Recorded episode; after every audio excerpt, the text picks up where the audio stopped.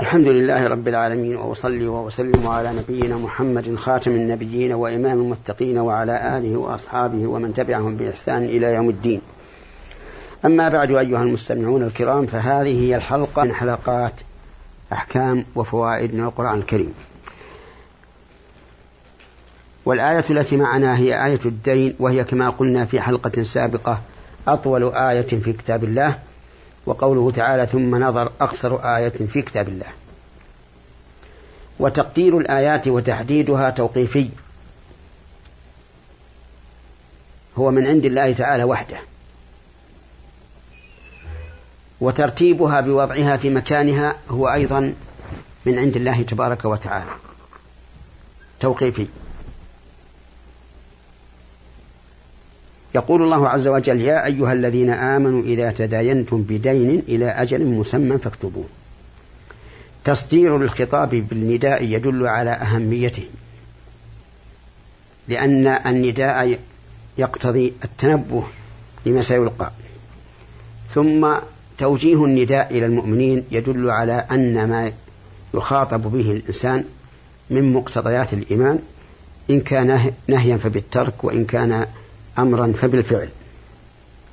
إذا تداينتم بدين إلى أجل مسمى فاكتبوه. المراد بالدين في هذه الآية كل ما يثبت في الذمة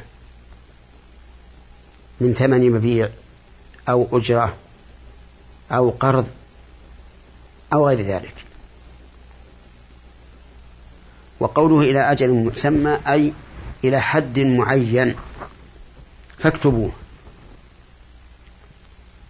لأن ذلك أحفظ للمال وأبعد عن الإشكال.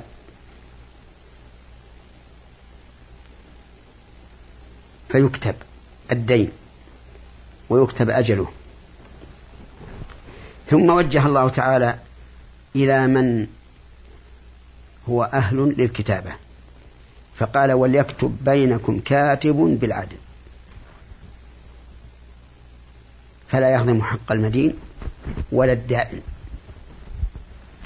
بل بالعدل وهو أن يؤدي كل ذي حق حقه.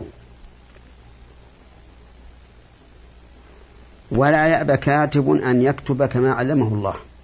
أي لا يمتنع كاتب إذا طلبت منه الكتابة عن الكتابة لأن الذي من عليه بالكتابة هو الله عز وجل.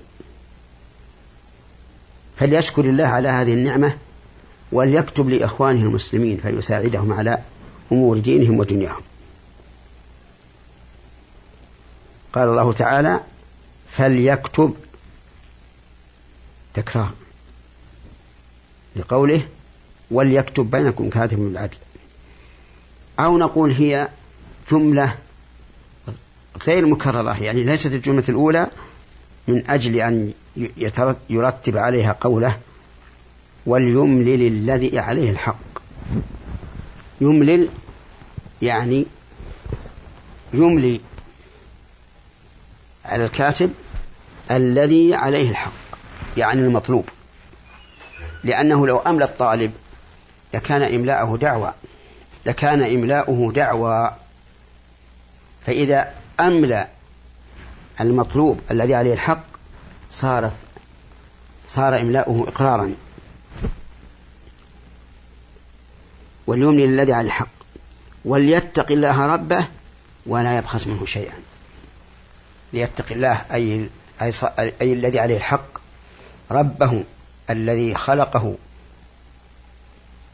وأمده بالنعم وأعده لما يكلف به ليتقه.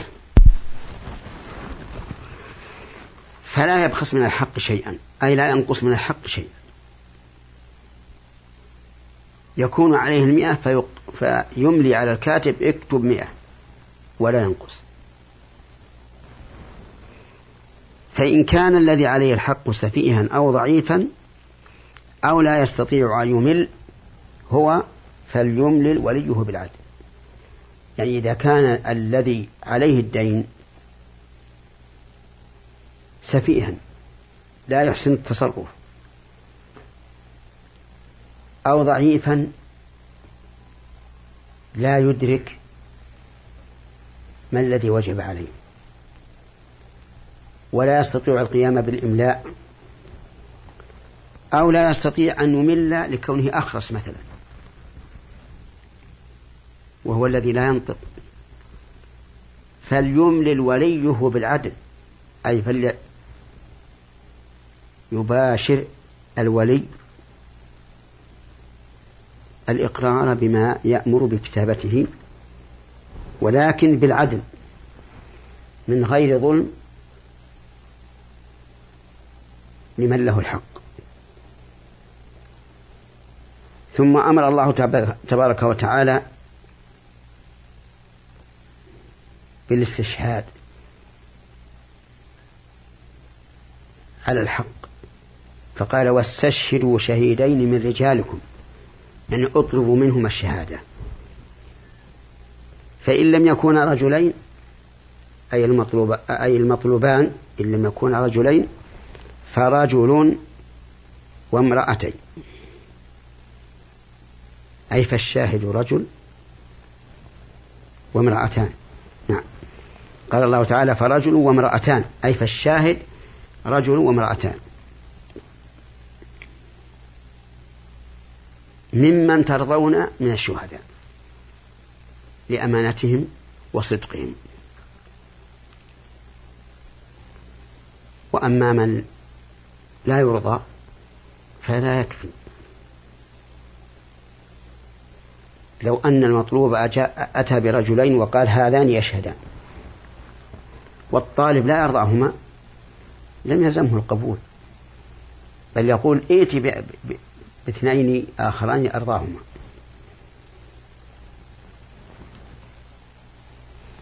وقوله أن تظل إحداهما فتذكر إحداهما الأخرى.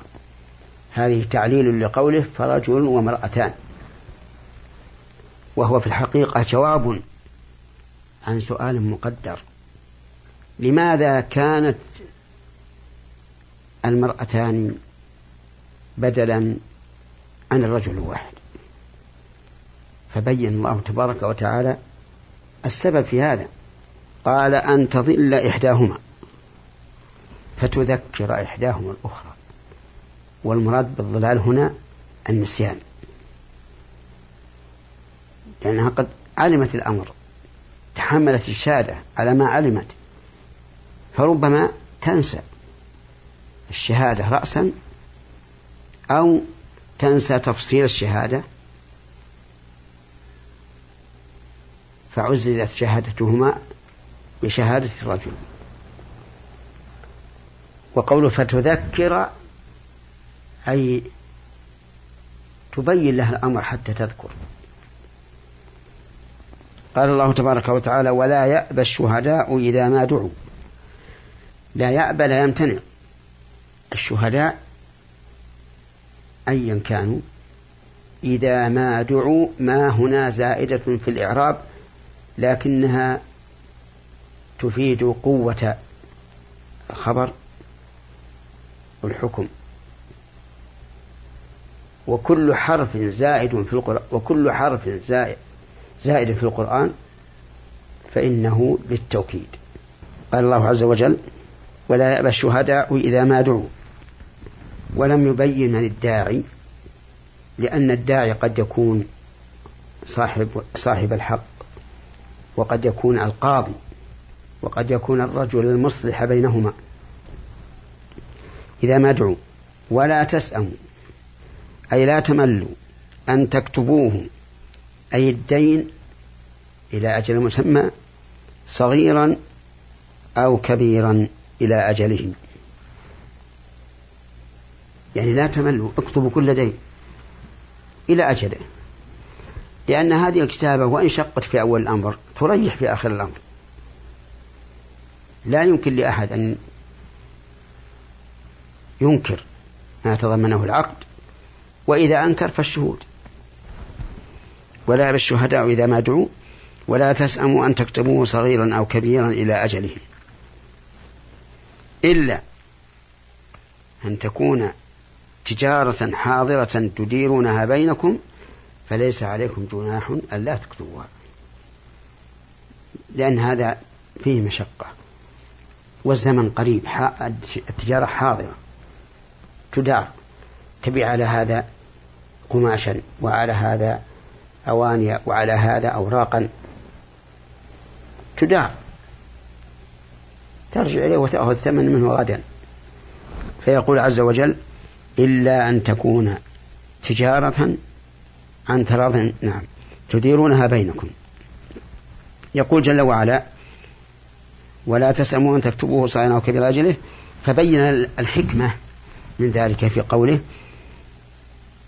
ذلكم أقسط عند الله وأقوم للشهادة وأدنى ألا ترتابوا.